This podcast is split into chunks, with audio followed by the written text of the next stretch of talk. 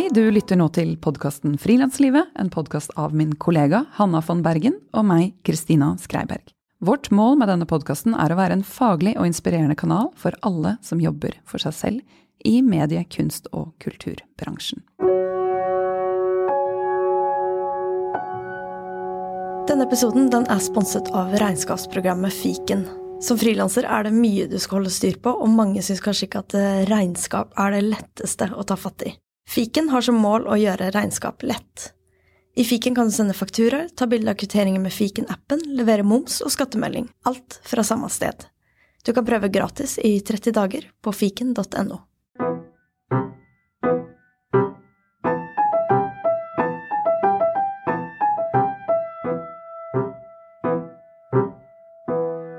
I dag sitter jeg sammen med Nils Christian Geilemyden.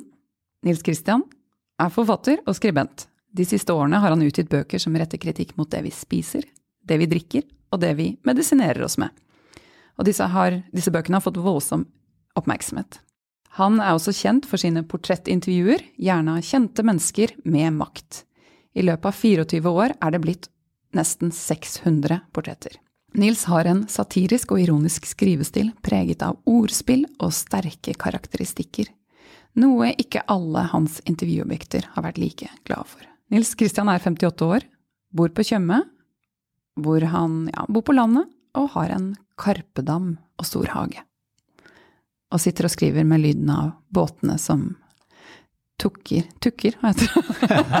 du, har, du har ikke hørt Potter? altså, det er på enkelte dager kan vi høre båter. Og da er det jo gjerne de stygge lydene. Det er sånne sterke poengsmotorer og sånn. Så det er ikke Det er et stykke nå. Det det er liksom vi bor på en slags odde. Så det er litt irriterende båtlyd, egentlig? Ja, altså jeg vil ikke oppskutte Folk kan bli skuffet hvis de kommer for å høre på båtlyder. Fuglekvitter? Ja, det har vi mye av. Ja. Hei, så hyggelig at du er her. I like måte. Før vi begynner, så vil jeg at lytterne skal vite at jeg har truffet deg før. Fordi jeg for snart fem år siden deltok på et av dine mange skrivekurs som du har holdt i en Riyadh i Marrakech. Du var til og med gravid, det er lett å huske. Ja, det var jeg. Gravid og kvalm. Men jeg klarte meg gjennom og eh, lærte å skrive. Du klarte deg med glans, du dumpet ikke, du har ikke måttet gå om igjen. Skulle gjerne gått om igjen. Så bra. Du Nils, du bor på landet, som vi nevnte.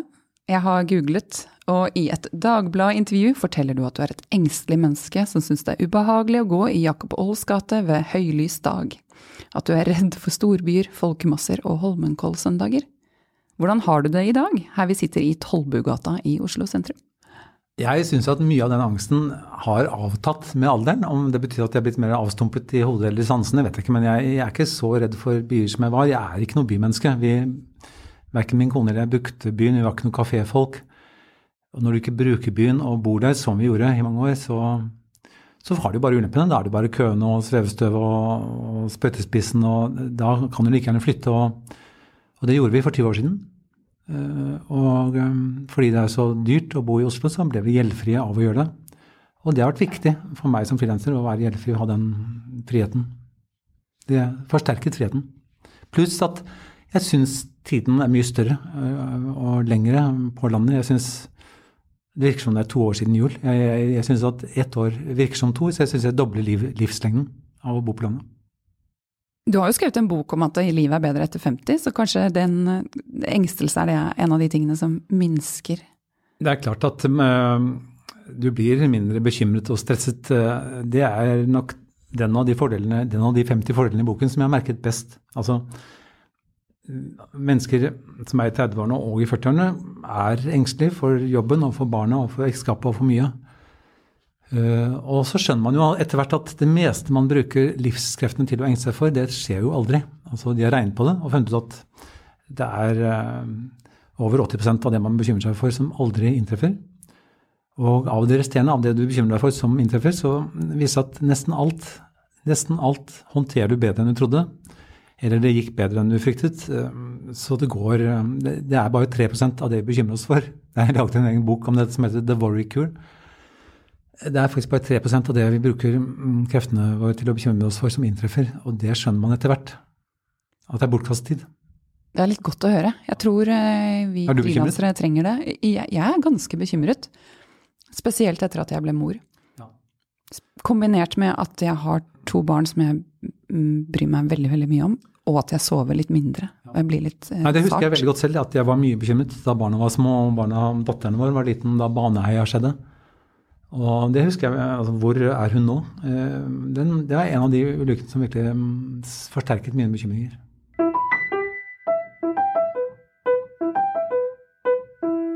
Du gir snart ut din 38. bok, kan man si det? Din 38. bok? Ja, det kan du Bok kan si akkurat sånn som du vil. Det er jo ulike måter å telle på. Mm, Jeg tror kanskje det er nummer 38 eller eh, 37, jeg er litt usikker. Mm, Gratulerer. Takk skal du ha.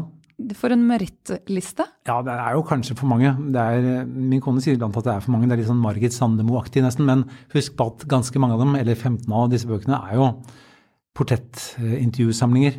Altså litt juksebøker, litt sånn eh, gammelt piss på ny flaske, som man sier gatelangs. Eh, Så nå er heldigvis majoriteten blitt nyskrevne bøker. Men eh, det er kanskje i mesterlaget. Men eh, det fine med det er at hadde, hadde jeg solgt kjempemasse og blitt oversatt til 40 språk, så ville det gått lengre tid antagelig mellom hver. Jeg, siden jeg har bestemt meg for å prøve å leve av bøker, så må jeg nesten ut igjen i året. De stjeler ikke mer enn som så. Uff da. Det er kanskje ikke så Selger det ikke så mye å skrive om? Skrive 'Sannheten på bordet, sannheten i glasset' og 'Pillebefinnende'? Jo, altså, Selv om det får den masse første oppmerksomhet? du nevnte, den som het 'Sannheten på bordet', som er den første av disse faktabøkene, det var bestselgeren. Den solgte i 25 000. Står iallfall utenpå boken. Det vil si at den er trykket, antagelig. Men den var bestselgeren. Resten har vært litt sånn haisommer, to, tre og fire. Skjønner. Jeg eh, har aldri klart å toppe den. Det skulle jeg jo ønske, men det ville jo medført at det tok meg lengre tid med bok, så jeg liker godt å ha det presset på meg. Jeg har likt det med å være frilanser, at jeg hele tiden må lage ting. Du liker det presset? jeg, hvis jeg hadde vært ansatt, jeg jeg hadde vært sånn type som hadde vært mye i kantinen, tenker jeg. Jeg har litt dårlig konsentrasjonsevne. Det sto til med i Jeg fikk meldinger med hjem da jeg gikk på barneskolen at eh, Nils Kristian har dårlig konsentrasjonsevne. Jeg er såpass sosial at jeg kanskje av den grunn er nødt til å være, sitte hjemme på toppen av to saccosekker og skrive. Men hvis du er veldig sosial og til, ville tilbrakt mye tid i kantinen, hvorfor sitter du ikke bare um, Inviterer venner på besøk og drikker kaffe dagen lang da? Det, da får jeg jo ikke eh, skrevet, altså da får jeg jo ikke laget én en bok i året eller gjort de tingene jeg er nødt til å gjøre for å kunne ha det som levebrød. Men hva er det som kaller deg til skrivepulten? Ja, hva det er? Jeg, det er vel en sånn um, Er det en indre tro på at det er viktig det som jeg driver med? Jeg um, har jo den disiplinen at jeg står jo opp sammen med min kone klokken seks hver morgen. Og hun er jo ute av døren ti over halv syv. Hun jobber på Nav på Nøtterøy. Og jeg eh, står som regel opp med henne. Det hender at jeg sover helt til syv, liksom. Men um, så går jeg på jobben, som er en trapp opp, og, og begynner der jeg slapp i går. Og det er jo ikke sånn det er jo ikke sånn folk som ikke skriver, tror at man er spesielt inspirert. Eh, Det er jo mange dager man ikke er det, hvor du bare kjører på. Men heldigvis hender det jo at jeg kommer i en gunstig tunnel og blir eh, inspirert mens jeg driver på eller maler videre. Tilbringer du mye tid alene? Ja, det er et eh, Jeg vil tro at mange mennesker ville mistrives med mitt liv. Men du trives? Ja, som regel, i hovedsak gjør jeg det. Men det er ensommere på en måte å være forfatter på heltid, som jeg har vært nå i fem år, enn det var å være intervjuer. For jeg var jo, levde av å lage portrettintervjuer i ja, det ble jo faktisk 29 år, tror jeg. Og da traff jeg jo iallfall fotografen, og selvfølgelig den jeg skulle intervjue. Eh, Så det var eh, hyggelig, og jeg har jo glede av å kjøre toget, sånn som jeg har gjort i dag. Jeg eh, ser på folk og lurer på folk, og det liker jeg. Sitter du og titter, eller? Titter, ja. Sitter og titter og sorterer og grupperer folkene i kupeen og de som er utenfor. Jeg gjør det. Liker det godt. Jeg lurer på hva de skal, hva de tenker, hva de lever for. Har de retning? Er, det, er de syke? Er de friske? Er de, er de gift? Liksom? Jeg syns det er gøy. Som skrivende, hvor viktig tenker du at den evnen til å observere er? Eller for deg, da? Det er klart den er viktig. Jeg husker det var noe av vinningen da jeg begynte med Til å begynne med så skrev jeg jo for hånd, og så fikk jeg meg en sånn opptaksmaskin sånn som ligger mellom oss nå. Og det frigjorde jo sansene til å se mer på ansiktet og på veggene. og Jeg likte det, at ikke jeg skrev hele tiden. Jeg liker også veldig godt å la den ta seg av eh, å huske. Men det ble jo dobbeltjobb, eh, for det ble jo ofte til at jeg skrev inn alt, og så begynte å Det var jo mer jobb, kanskje. Helt klart. Men jeg liker litt å sitte og transkribere òg.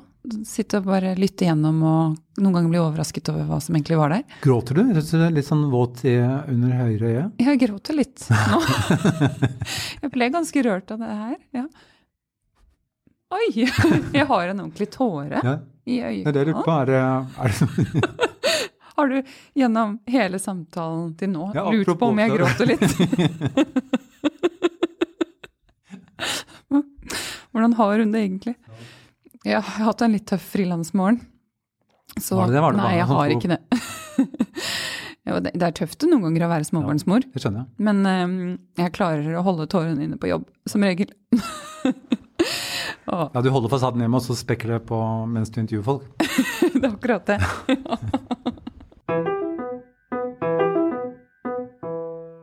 Jo, dette med bøkene dine eh, tenker jeg har jeg en plan om at vi skal komme tilbake til i denne samtalen. Men først så vil jeg gjerne snakke om dine mange år som portrettintervjuer, som du nevnte. Og det er jo spesielt Kapitals lesere som har hatt gleden av dine, eh, dine tekster, med mange kjente og mektige folk i dette landet. Og en del avmektige, vil jeg si. Avmektige? Ja. ja. Jeg jeg vil snakke litt om Gro Harlem Brundtland, eh, fordi det ble rabalder da du intervjuet henne i 1993. Dette husker ikke jeg, ja. for jeg var bare 13 år gammel. Men jeg har lest om det. Jeg husker um, jeg hadde jo fått avslag på mange forespørsler om portrettintervju med Gro Harlem Brundtland. Hvor mange ganger prøvde du? Jeg tror det var syv ganger jeg um, fikk avslag. Uh, og uh, hun forlangte også spørsmålene på forhånd hver gang, men um, jeg var på en måte innstilt på at ikke jeg fikk intervju. Og så ble jeg kontaktet av Det Nye. For der var det sånn at Linn Ullmann en, skulle intervjue Gro Harlem Brundtland på oppdrag for Det Nye som frilanser. Men hun hadde i mellomtiden fått jobb i Dagbladet, og, um, og så ble jeg tilbudt å overta hennes avtale. Og ble avkrevd spørsmål, og um, sendte over spørsmål én måned før møtet. Og hun stilte opp, og hadde med Det er også veldig sjelden. Hun hadde med egen låntaker til intervjuet. Det, så det var med henvisning til at spørsmålet var overlevert en måned i forkant, og at hun hadde med egen låntaker og vitne. En som het eh, Øyvind Østang, tror jeg, som var med. Og jeg hadde med han Torenfeldt som fotograf. Mm, Så det var rammen. Det var noe av den formelle grunnen til at jeg gjenga henne ordrett. Og det var vel det grepet. Eh, Det er rart med det. Det er den eneste gangen jeg har gjengitt en person helt eh, korrekt, liksom, og da ble det masse bråk. Men det, jeg tror nesten ingen ville komme godt ut av det Neida. når man gjengir noen sant. helt ordrett. Så det, er- det er en dårlig idé. Det er radio på papir. Det funker ikke. Eh, Så det ble mye bråk fordi da hun fikk intervjuet til gjennomsyn, som maktmennesker nesten alltid forlanger. Og jeg hørte ikke noe innen fristen utløp. Um, Jeg tror det var et døgn eller to hun fikk til gjennomløsning, og så hørte jeg ingenting. Og det syntes jeg var rart at hun ikke ville justere noe. Og så vidt at de hadde nedlagt krav om å få tilsendt en ny journalist og gjøre intervjuet helt på nytt. Og så la redaktøren i det nye seg ganske flat og publiserte den statsautoriserte versjonen, kan man si. Og det provoserte meg såpass at det skjedde over mitt hode at jeg publiserte min versjon i Kapital. Så det var konflikten. Så Det det, liksom første to- intervjuet i det nye ble, det ble publisert, men av en annen journalist. Nei, eh, det var eh, mitt intervju som eh, var kraftig redigert av statsministerens kontor, som kom på trykk, og, og uten at jeg var blitt orientert om den endelige teksten. Ble det bra, eller? Det ble i hvert fall to veldig forskjellige intervjuer. Men det, derfor ble det debattmøter, og, og det ble nok også det fordi mange andre journalister som var mer avhengig av å ha god kontakt med statsministerens kontor- var rammet av denne litt rojale håndteringen av pressen. Så derfor ble det debattmøter. Eh, Og ja, er rabalder første sider og sånn noe. Jeg tror mange syntes det var et fint påskudd for å ta et oppgjør med uheldige rutiner ved statsministerens kontor. Og det var det vel? Ja, det var vel det. Jeg tror det. Hvordan var det å stå i Det det, er jo som veldig uheldig å forlange spørsmålene på forhånd i et portrettintervju. Noe av vitsen er jo at spørsmålene er uforberedt eller overrumplende. Hvordan var det å stå i dette som, eh, som frilanser? Altså det å ikke ha kollegaer rundt, kollegaer rundt seg hver dag å støtte seg til?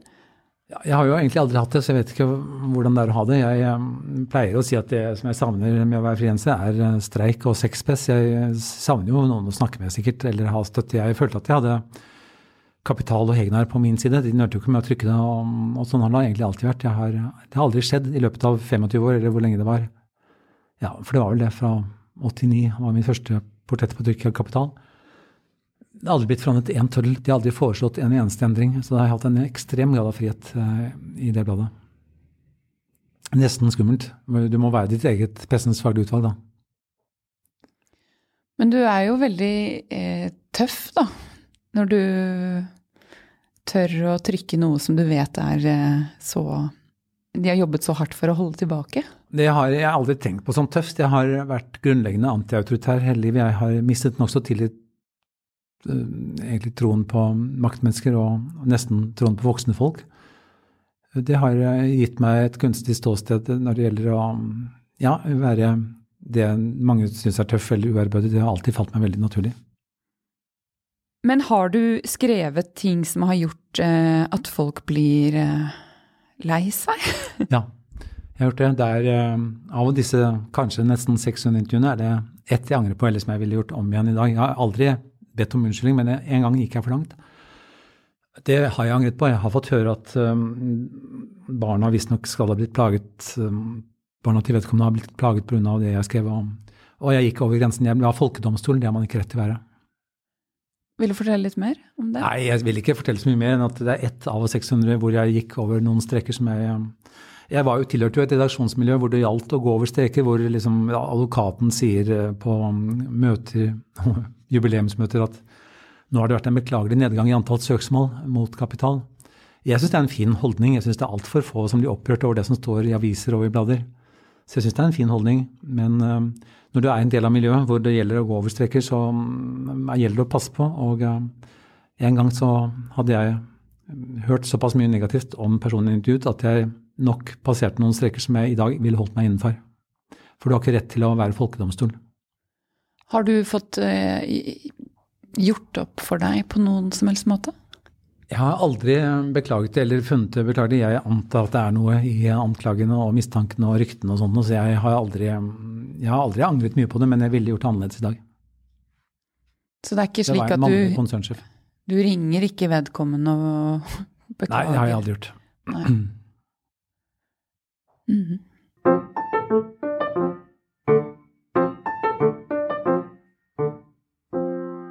Du bruker mye humor og ordspill i tekstene dine. Jeg tenkte jeg skulle bare lese opp noen titler på bøkene dine, for, for, for det er noen sånne enkle eksempler. Som ordbruksoppgjør, dans på gloser, ordskjelv, rikes tilstand. Som jeg syns er så fine. Ja, jeg er eh, på en måte ikke så glad Det høres rart ut, men jeg er ikke så glad i ordspill. Jeg er blitt kanskje litt lei av det. Jeg syns det er blitt sånn inflasjon i det. Jeg er mest glad hvis jeg klarer å lage noe som er bra uten ordspill. Jeg bruker nok fortsatt altså Spermageddon heter jo den nye boken, og jeg ser og pillebefinner jeg, jeg ser at det er en slags Men jeg vet ikke hvor mye det betyr for leserne eller lytterne. Jeg er ikke sikker på at tittelen er så viktig for leserne. Jeg, det er viktig for meg, fordi det gir For meg er tittelen liksom det jeg skal si med ett eller to ord, det resten av boken skal si med 620 000 tegn, som den nye boken består av. Så det er litt sånn I et portrett så er det det jeg går for. Det er, liksom, det er temperaturen, det er liksom stemningen eller tonearten, på en måte. Eh, så det har betydd mye for meg, men jeg er ikke sikker på om det betyr så mye for leserne. Gleder du deg over å lage disse um, titlene? Ja, det gjør jeg nok. Det er ikke en sånn litt sånn autistisk glede jeg har. Jeg har glede av å få til um, et ordentlig um, Det er noen titler jeg har vært spesielt uh, glad for, eller du kommer på Jeg husker jeg hadde intervjuet han Eivind Reiten, da han var Hydro-sjef. Og så tenkte jeg at han er jo, mm, som mange andre konsertsjefer, har han jo en egentlig lidenskap utenom jobben, og det var å være mm, på jakt. Og så slo det meg at eh, det han gjør som sjef i Hydro, var jo også litt jaktaktig. Det handler jo om å overta bedrifter og nedlegge bedrifter over hele verden. og det var litt jeger, Han var litt jeger på jobben nå, tenkte jeg. Og så tenkte jeg jeger kan, kan, kan være noe med jeger. Og så tenkte jeg at det er jo hele verden det er jo, stor, er jo i massevis av land. Hydro. Så det, da tenkte jeg plutselig så fikk jeg følelsen av at det måtte hete eh, Jeger uten grenser. Eh, og da, jeg, da, kan jeg oppleve et blaff av lykke når jeg får til eh, det som Ja, jeg føler det er litt innertier for meg da. Men som regel skjer ikke det. Som regel blir det en B-variant. Eller, eller, eller, noen andre har brukt den beste. Jeg husker Fredrik Skavlan hadde intervjuet Karsten Isaksen i Dagbladet sikkert, og hadde kalt uh, intervjuet for uh, 'Prest når det gjelder', som jeg syns var den jeg hadde håpet å finne selv. ikke sant? Så da hadde jeg en blek uh, B-variant som ble hjemme alene-prest. Men jeg har alltid tilskrevet mye betydning. Men jeg er usikker på om det betyr mye for leseren. Når kommer disse titlene, eller ordspill, ordspillene, som du ikke liker eh, å kalle det, eh, til deg?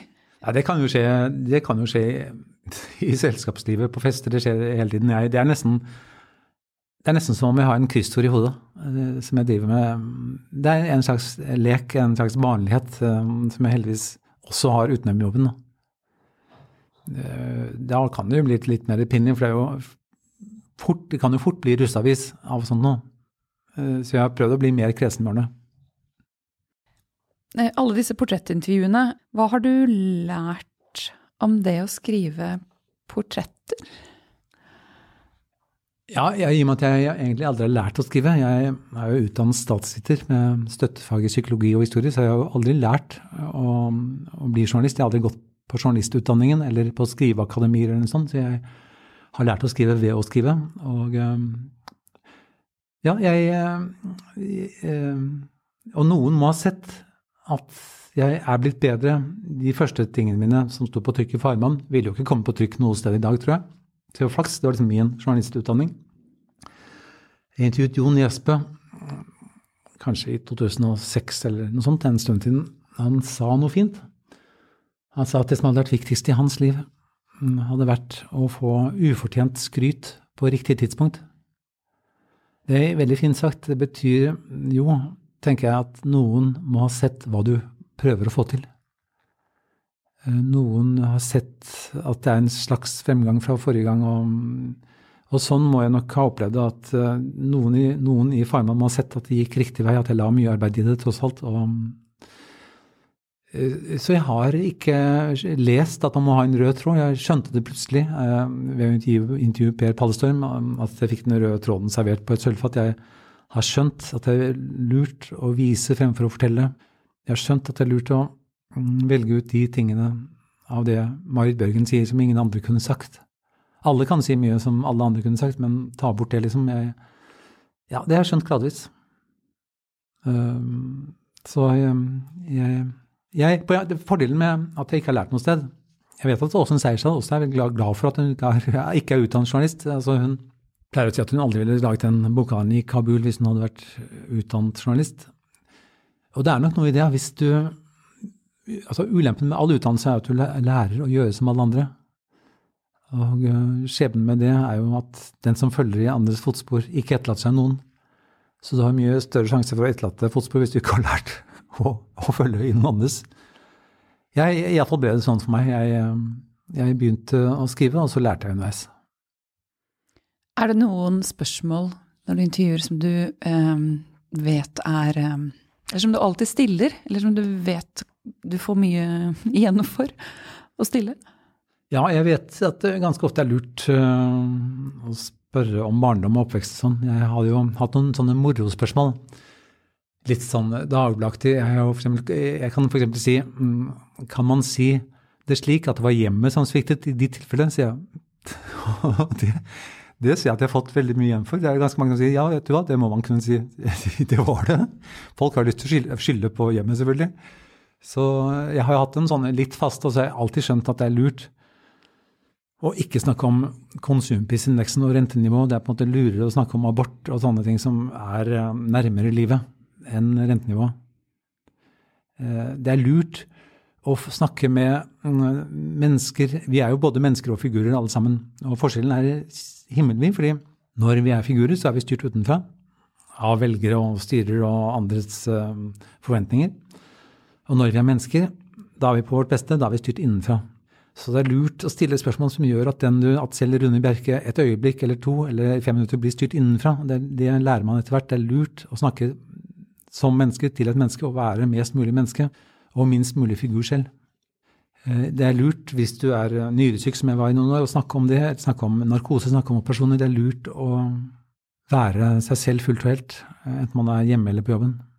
Eh, Spar ikke på angst og vennlighet, sa Karsten Isaksen. Jeg fikk i siste trøstepremie i Gnav-spill en jul for 30 år siden en piratkopi av et Karsten Isaksen-foredrag hvor han sier det, at spar ikke på angst og vennlighet. Jeg tror det er lurt å, gi, å være raus med angst og vennlighet også når man snakker med folk.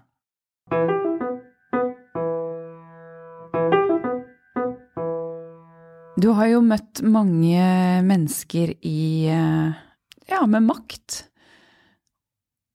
Hvordan har det vært å, å skrive fritt likevel? Det er jo ikke Det har jo aldri vært min foretrukne kandidat til og, og Det er ikke sånn at jeg syns det er spesielt morsomt eller hyggelig å møte maktmennesker. Fordi de er jo veldig forutsigelige. Man kan egentlig Ofte har jeg tenkt at man kan gjøre hele intervjuet på forhånd. Og bare sende det til gjennomsyn. Det, det angrer jeg på at jeg aldri gjorde. Bare skrive hele intervjuet med Rune Bjerke eller med en statsråd. Også og så sende til Jansen som om det har funnet sted. Og de, de ville begynne å lure om, eh, ja, om jeg har vært der eller ikke. For så forutsigelig er det. Og det lille ekstra du får, det blir ofte tatt bort, luket vekk under gjennomgangen, som sånne mennesker alltid um, forlanger. Så ja, jeg syns det har vært som å snakke med roboter ofte. Jeg um, syns det er morsommere å snakke med mennesker som er styrt innenfra enn utenfra. Og du kommer jo heller ikke hjem til sånne folk. Det, jeg har jo skjønt det etter 25 år at de beste intervjuene jeg gjør, har vært hjemme hos folk. Men det er jo ikke fordi jeg ser hva de har på veggen, eller hvordan sofaen ser ut og sånt noe.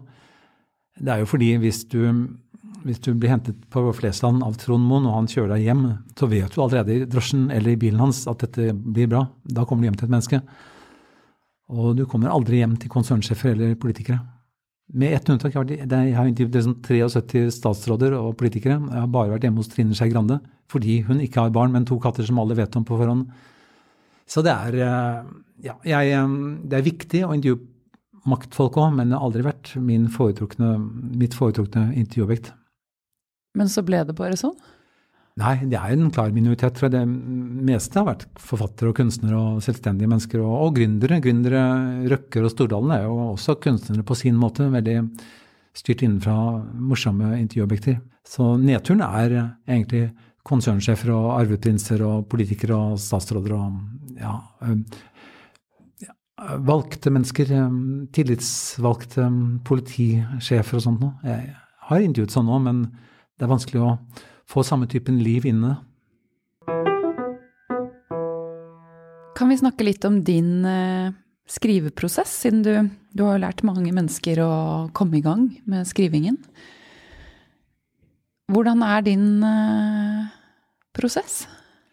Ja, det er så veldig forskjellig. Jeg syns også prosessen med intervjuene har forandret seg veldig i de årene jeg drev på. Jeg, um, ofte, jeg begynte jo før datamaskinen, nesten. Jeg, min første bok skrev jeg på vanlig skrivemaskin. Debutboken om en prest og en plage, apropos ordspill. Det er brukbart ordspill om Børre Knutsen. Den skrev jeg på, på skrivemaskin. Og når du har skrivemaskin, så begynner du med begynnelsen. Nå kan jeg jo begynne midt i eller bak, eller, så det har jo selve teknologien har forandret prosessen. Og så syns jeg det er veldig forskjell på å skrive portrettintervjuer og um, kåserier. Jeg har hatt mange sånne morgenkåserier i, i NRK P2 um, som jeg likte veldig godt, som var jeg, det fikk være min stemme, liksom. Det var en fin, fin kompensasjon for å være portrettintervjuer og, og sånt noe. Så jeg syns alt er veldig forskjellig. Nå er jeg på annen runde med denne Spermageddon-boken. Og da gjelder det jo å, å forkorte og, ta bort dobbeltheter og rydde plass til nye ting som Selv i dag på togturen innover så kom det nye ting som må inn. Så det klarer jeg heldigvis. Det bebor meg veldig. Jeg klarer rett og slett det. Jeg har alltid klart. Og og la på en måte, hvis jeg har intervjuet Marit Børgen, og la henne fylle de 14 dagene jeg har til rådighet Du må på en måte innbille deg at det betyr veldig mye hva du skriver om Marit Børgen i det bladet. Eh, det er eh, jo en illusjon som, som jeg alltid har klart å tilskrive. Jeg på en måte alltid, jeg har kunnet levere tekstene mine tre dager før jeg gjør det, og fått det samme honoraret. Jeg syns det er vanskelig å forstå hvorfor jeg har brukt helger og kvelder og mange dager til mm, når det allerede var brukbart nok. Eh, det må jo bety at jeg har klart å tilskrive det en betydning. Jeg, eh, og det er kanskje det som har gjort at det kan ha kommet i bokform, men, men, det koster jo på en måte sosialt og, og sånt å ha det sånn. Ja, Hvor mye fyller det deg? Eh, det fyller meg såpass mye at hvis jeg har intervjuet Marit Bjørgen, jeg gjorde det en gang um, i 2011, tenker jeg, og da det faller meg nesten vanskelig å snakke om noe annet enn Marit Bjørgen i de to ukene. Så det er en påkjenning, særlig for min kone. da. Og enda større påkjenning er det når jeg da skriver om uh, sæd i et år. Uh, så er det jo mye større påkjenning for henne enn det var en gang jeg drev med portrettintervjuer. Uh, det er jo, Vi var i besøkshjem for en gutt som hadde Aspergers syndrom. og Han var en veldig søt og hyggelig Han var en såpass søt og normal og hyggelig gutt at vi begynte å lure på våre egne barn. Men i alle fall, det rare med ham var at, han, at det falt ham vanskelig å snakke om noe annet enn høner. Så jeg tenkte eh, at jeg kanskje har en sånn upåvist Asperger-situasjon, jeg vet ikke. Men jeg tror det er viktig å kunne klare å gå inn i tunneler når man skal skrive bøker. eller... Det er jo ikke så ille som jeg sier, jeg, jeg klarer å snakke om andre ting òg, heldigvis. Men, eh, men jeg, jeg, tror det er viktig når man skriver om noe, å fylles helt opp. Jeg fylles og, også veldig opp. Og bli bebodd av det du Ja, at ikke det er 9-4-greie. Men jeg ser jo at uh, Min mann og mine to barn blir frustrert når jeg soner helt ut uh, ved frokostbordet. Fordi jeg bare sitter og tenker på det jeg skal skrive. Det er jo frustrerende å ha en forelder som er bortreist når vedkommende er hjemme. Og sånn har det vært iblant. Men bare særlig min at vi snakker om andre ting, og det gjør jeg altså. Hva gjør du når du står fast? Ja, jeg gjør jo selvfølgelig det. Da går jeg en tur, jeg sover på det, jeg prøver å begynne på nytt. Jeg prøver å klare meg uten, jeg prøver å gå utenom, jeg prøver å være Per Gynt. Jeg prøver å Jeg har jo teknikker, jeg ser om det går an å stryke, få det til på en annen måte. Jeg um, har jo selvfølgelig som alle andre noen situasjoner hvor jeg kjører meg fast eller inn i et blindspor, og jeg ikke får til overgangen. og og så har jeg også den at jeg kan ha en ferdig for å lesse litt for mye på. Jeg må passe på at ikke lasset blir for stort, sånn at, um, sånn at, lasten ikke kommer frem, eller at lasten velter, eller at passasjerene faller av, er jo det verste som kan skje. Og der er jo litt nå med denne CD-boken, det er litt for mye kanskje tall og fakta og studier. Jeg, jeg bør tynne ut en del ting fortsatt. Jeg skal ikke levere neste runde før neste uke, så vi får se. Men jeg tror det blir den siste av den typen bøker. Jeg har lyst til å utgi en ny barnediktsamling, og jeg har, um, jeg har, lyst til å ikke ha kilder og forskning. og Jeg har lyst til å Jeg har jo laget barnediktsamling, og den uh, har jo et liv som, som, mange av de andre bøkene ikke har, ved at den er pensum i barnebøker og, eller på skolen. Det er mange av diktene som er i Jeg syns det har vært innmari stas å se hvilket liv den har. Det må være gøy at uh, bøkene lever videre. Mm. udødeliggjøring? Ja, på en måte kanskje alle mennesker vet at hvor det ender at de skal um, brennes opp og graves ned i bakken. Og alle vil jo sette spor sikkert uh, etter seg av den grunn. Men jeg har jo, siden jeg har skrevet såpass mange bøker nå som um, mange har opplevd som litt nedslående eller lite oppløftende, så er det, siden du også påpeker at jeg har drevet mye med humor og sånn, det, ja, det har vært en viktig, viktig del av meg som jeg har måttet legge litt bånd på hvis man skriver en bok om legemidler og legemiddelindustrien, så er ikke det en morsom bok. Eller det er vanskelig å gjøre den morsom. Så, så jeg har et savn etter å gjenforenes med det morsomme og det varme i meg selv. Ja, for hvordan har det vært å nå over i løpet av flere år å dykke ned i fakta og forskning og ja, legge bort humor? Eh, ja, det har vært veldig meningsfullt. Det har vært veldig, det er klart å fylle meg helt opp. Det har vært viktig. Jeg gjorde nok kanskje egentlig fordi ja, jeg ble jo nyresyk og fikk en nyre mm, av min kone i 2009, for ti år siden. Eh, jeg tenker at det var startpunktet. Jeg har eh, vært på mange Scoop-konferanser. Jeg har mm, tenkt iblant på portrettene mine som gravende også. Så jeg har hatt lyst til å drive med det. Og, eh, og så har hun alltid vært mer interessert i, i, mat og sånn enn jeg har. Sånn er det jo at kvinner er mest opptatt av det. Det ser jeg når jeg holder foredrag òg. Så jeg ble litt nysgjerrig av det fordi jeg fikk livet i gave, og um, litt nysgjerrig på hennes type drivstoff, siden i løpet av vårt uh, 31 år lange ekteskap har hatt én eller to sykedager alt i alt, liksom. Så, mens jeg har vært så syk at jeg ikke vet om det er natt eller dag. Har dere ikke spist det samme, da? Jo, vi har jo, men hennes opp, jeg har på en måte som nordmenn flest gjort narr av hennes økologiske matvalg og sånn. Så jeg måtte, som mange må, jeg måtte bli alvorlig syk for å bli nysgjerrig på mitt eget drivstoff. Det var det som skjedde. Mange blir ikke nysgjerrig da heller, men jeg, jeg, ble det. Så det ble min første og mestselgende bok, den 'Sannheten på bordet', som kom i 13. Og den var jo så vellykket. Jeg hadde lyst til å følge den opp med en sånn legemiddelbok, men de um, foreslo av ulike grunner at jeg skulle skrive om drikke, og det gjorde jeg. Den er jeg veldig stolt av. Den kanskje stilistisk den beste av dem. Men så er det blitt en serie på faktisk seks bøker. For etter matboken og drikkeboken så kom det jo en sånn kokebok.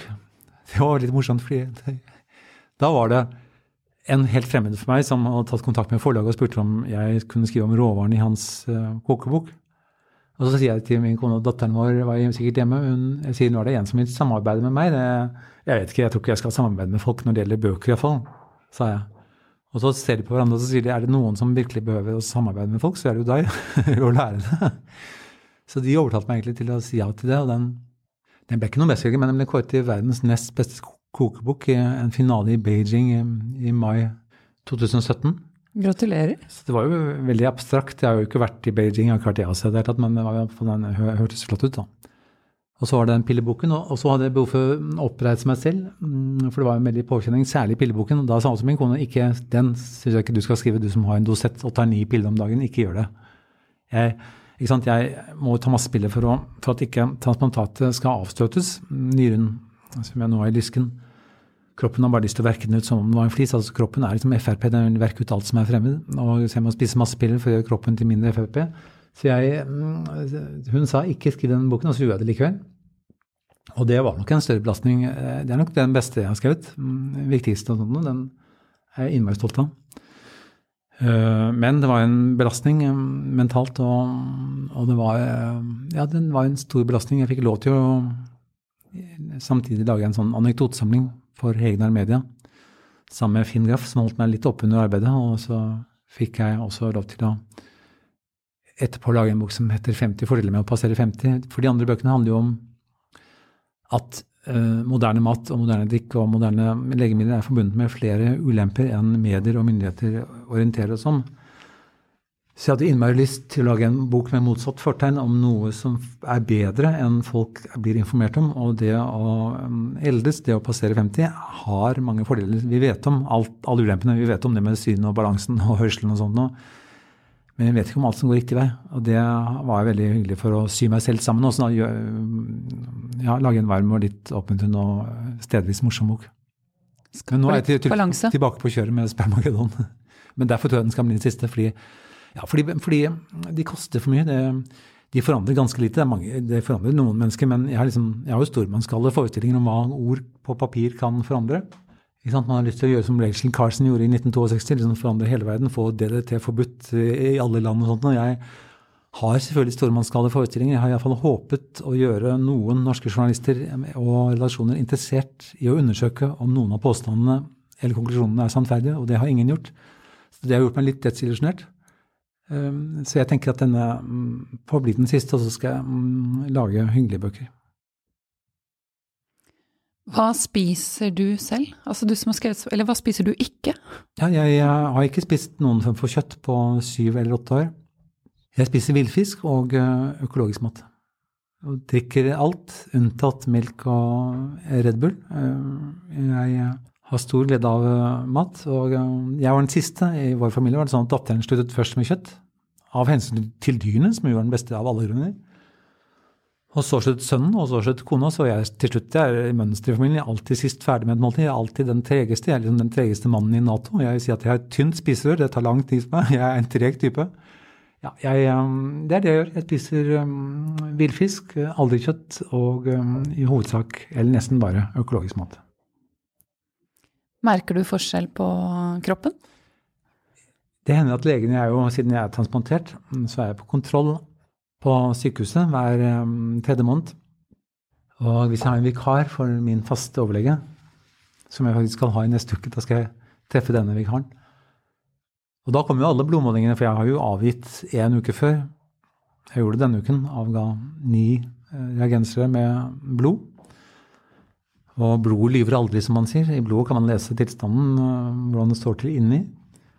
Og eh, en gang sa vikaren Han jo opp på dataskjermen sin alle disse verdiene med kalsium og kalium og kadmium og alt sammen. Så ser han på det og sier han, dette var spesielt bra, kan jeg, er lov til å spørre deg hva du spiser? Og da tenkte jeg det var jo innmari hyggelig spørsmål for meg å få, som hadde skrevet bøker om det. En annen veldig hyggelig ting Jeg har jo hatt ni debatter med sjefen i Mattilsynet, som jeg forresten er veldig glad i. Eller han er en hyggelig fyr. Nå gikk han av, men, men jeg har hatt så mange debatter med Harald Jein at han i den niende debatten så sa han jøss, har du ny genser? sa han. Men iallfall så satt vi i drosje fra TV 2 til Dagsnytt 18. Det var sikkert den høsten matboken kom ut. Og i det der lyskrysset ved Turinløkken her borte, så sa han at uh, det er innmari rart å tenke på. sa han at uh, leger lærer jo nesten ingenting om ernæring på medisinstudiet. Altså det er sånn at jeg, til og med jeg som er veterinær, sa sjefen i Mattilsynet, vet jo mer om ernæring enn norske leger.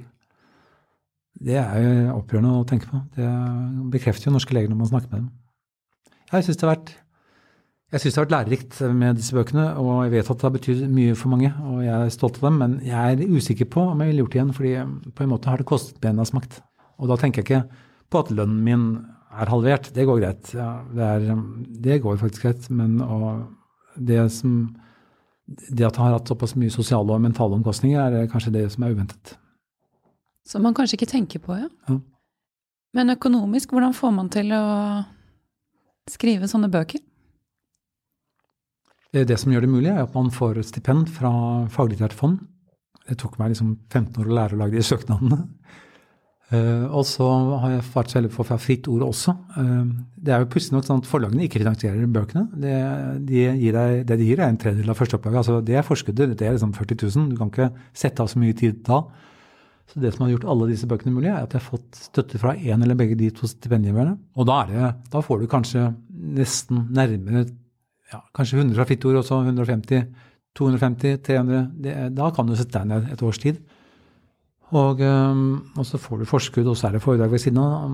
Du kan sette av et år. Og um, det underlige er jo at forlagene bare skummer fløten. Uh, og, og, beholder liksom 87% av inntektene.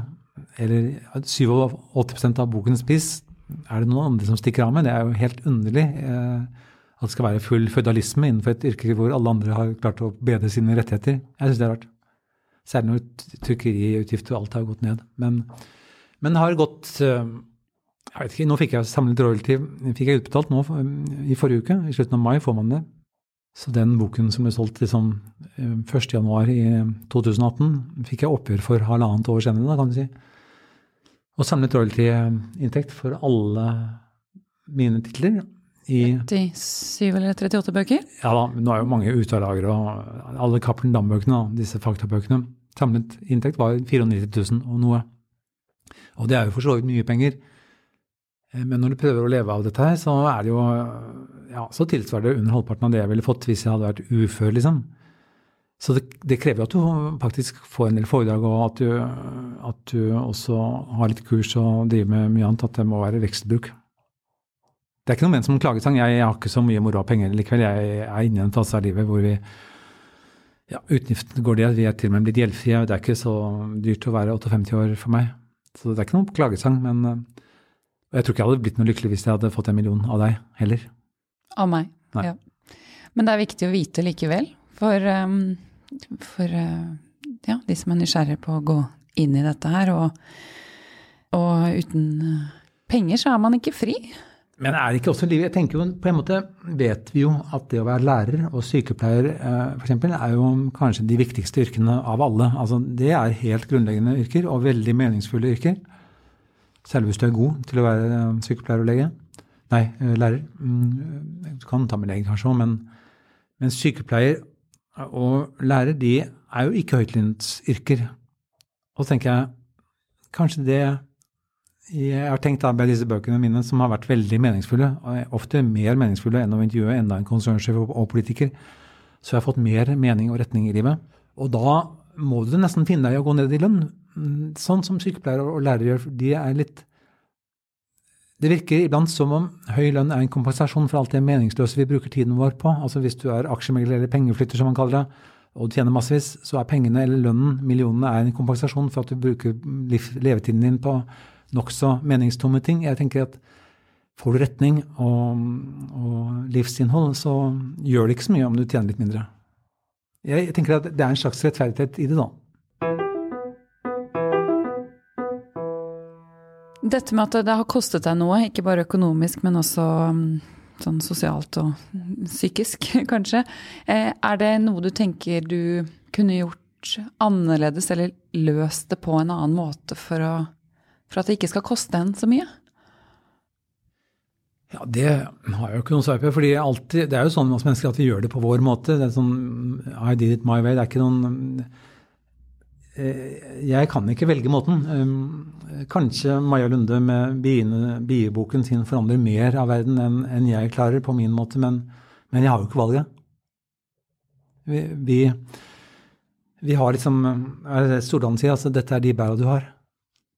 Så jeg har ikke hatt noen følelse av at jeg har kunnet velge. Og jeg har ikke noe anger på at jeg har ikke, jeg har ikke gjort det for å bli populær, jeg har gjort det fordi det har, jeg har opplevd det som viktig og som godt eh, begrunnet og, og kildebelagt. Så den primære skuffelsen min har knyttet seg til at uh, det i liten grad er blitt um, tatt alvorlig som gravende journalistikk av sentrale medier. Det kan jeg ikke påvirke. Men du snakket om dette at det um, blir altoppslukende. Du snakker bare om sperm for tiden. Er det noe Og, og dette kjenner jeg meg så igjen i, eh, men Og det er noe jeg prøver å finne en balansegang i, for det Jeg har lyst til å skrive gjennom livet ja. uten at det skal ja. Eh, påvirke mine nære og kjære altfor mye, fordi jeg blir helt fjern. Har du noen råd? Jeg har ikke noen råd. Jeg, det er klart det er lurt å lese om andre ting. Jeg, jeg leser romaner også. Vi leser bøker høyt for hverandre. Vi, vi ligger anfødtes og leser bø, romaner og andre bøker høyt for hverandre. Og, sånt, og det er lurt. Så fint. Ja, det er jo innmari fint. Det er et godt tips. Det er veldig hyggelig. Og så slutter vi med en gang det er noe kjedelig. Vi har jo andre bøker også, så vi kan prøve isteden. Sapiens leste vi sånn. Det er hyggelig, og um, da er man felles om noe og kan snakke om noe annet enn en sperm eller bjørken. Altså det, vi, kan, vi, ser jo filmer, vi ser jo serier, vi ser jo Netflix. Vi, jo, liksom, vi er jo ikke helt uh, Amish. Vi gjør andre ting.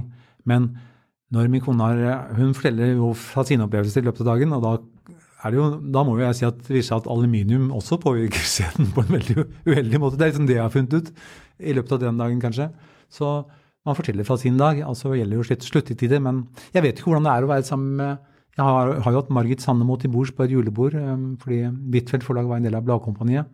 Og hun reiste seg og sang en kaukasisk kulok under julebordet, som var flott. Um, og hun forklarte etterpå at det var fra et av hennes tidligere liv. Eh, hun må jo også ha redd veldig i, i, det hun skrev. tenkte Jeg jeg vet ikke hvordan det er med romanforfattere. Jeg, om de også har Jeg vet jo at de ofte måtte gå, ha fyllekule for å tømme, få ut forrige roman av kroppen og sånt. Kanskje det er en yrkesskade? Det er nok kanskje det. Jeg tror det er veldig farlig i fall, å, bli, å bare bli deltidsinteressert i det man uh, skriver om. Det er et dårlig tegn. På disse kursene i Markesh har jo på 14 av de 15 kursene har deltakerne fått i oppgave å levendegjøre mor eller far. har vært første oppgaven Jeg husker det. på et, på et A4-ark. Og, og, da er det nok sånn at en del klarer å fylles hele natten og uh, er helt fylt av den nokså gruoppvekkende opplevelsen det er å skulle gjøre det. Men de gjør det, og eh, det binder jo også gruppen sammen. Det betyr mye. Og når bruker du en hel dag på å levendegjøre mor eller far? Noe så nært. Eh, ja, du går ikke og shopper sandaler liksom, i soken når du har fått den oppgaven. Jeg syns det er fint å bli fylt av det man skriver om. Det er veldig fint. Man, man er jo heldig ja. når man blir fylt ja. av det man skaper. Ja, og så er det innmari heldig. Noe av det jeg har likt best med å være frilanser, i nesten da hele livet, fordi jeg har vel bare vært ansatt i et halvt år, faktisk. Prøvetiden ut i Børsen Marsteller i 1985, siden hadde jeg vært til og, med, til og med da jeg var formelt ansatt i Morgenbladet i de månedene det varte, så hadde jeg én uke på, én uke av. Altså én uke hjemme. Jeg måtte ha en uke hjemme og så en uke på. Den sånn, som jeg om jeg på plattform. Men det jeg har likt kanskje aller best, er jo følelsen iblant av å være oppdagelsesreisende. Av å få oppdage nye ting. Av å være litt Columbus. Det syns jeg har vært det aller fineste. Og lære noe hele tiden. Gjøre noe nytt. Ja, jeg har likt. Jeg sitter og nikker. Eh, jeg tenker vi runder av med mm, noen visdomsord. Enda flere visdomsord. Hvis jeg klarer å lokke det ut av deg. Eh, du har jo skrevet 50 fordeler med å passere 50. Og jeg tenker da, i sånn frilanssammenheng, hva er det noen fordeler der med å bli en eldre og erfaren frilanser? Jeg, jeg, jeg, har jo ikke skrevet spesielt om det, men jeg, på en måte vil jo ikke jeg kanskje merke overgangen til pensjonistlivet. Nå er jo det fortsatt en stund til, i og med at jeg bare er 58. Eh, men den overgangen blir nok ikke så veldig brå for meg, altså i og med at jeg er hjemme det meste av tiden likevel. Eh, jeg intervjuet Ferdinand Finne, han sa man pensjonerer ikke sin sjel. Jeg, det er klart at alle mennesker blir jo litt mer frilansere mm, på slutten av livet hvis de rekker å bli så gamle. Jeg eh, er sikker på at vi blir litt friere etter at vi passerer 50. Vi er ikke fullt så opptatt av å gjøre godt inntrykk på andre mennesker.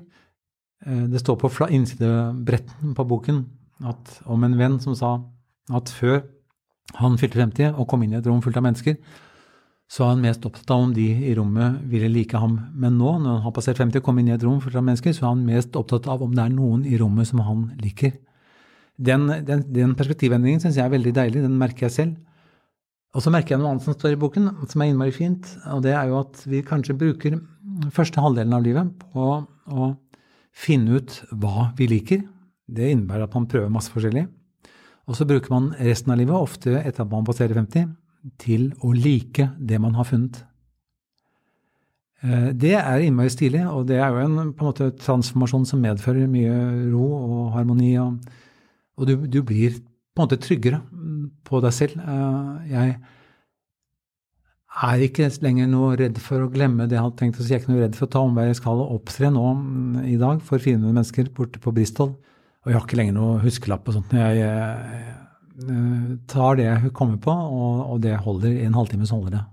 Jeg ville ikke gjort det sånn mm, for um, 15 år siden.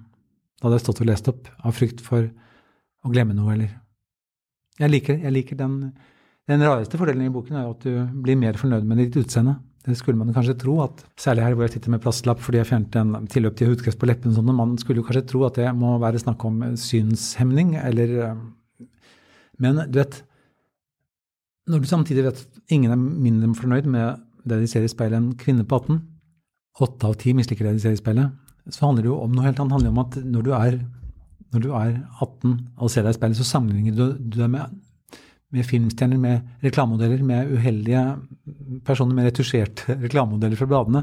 Du kommer dårlig ut. Du sørger for å komme dårlig ut.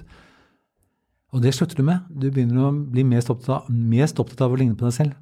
Det er en fin ting. Jeg mm, hadde intervjuet hun Anette Thommessen, husker du henne? Hun som var leder av NOAS, norsk organisasjon for asylsøkere. Det er lenge siden 93, kanskje samme år som Brundtland-intervjuet. Det var nok i det nye vi satt på Claudion Art Café, iallfall var, var det over. Og så sier hun til fotografen ja, du får ta eh, de bildene du vil av meg, men bare husk på en ting, at de aller styggeste bildene som er tatt av meg, det er også de beste. For det er meg. Og det sier kanskje litt om den, det forholdet vi har til vårt eget utseende, at vi blir mest opptatt av at det ligner på oss, sånn som vi er. Tusen takk, Nils. Like med deg. For at du har sittet her med meg. Ha det bra.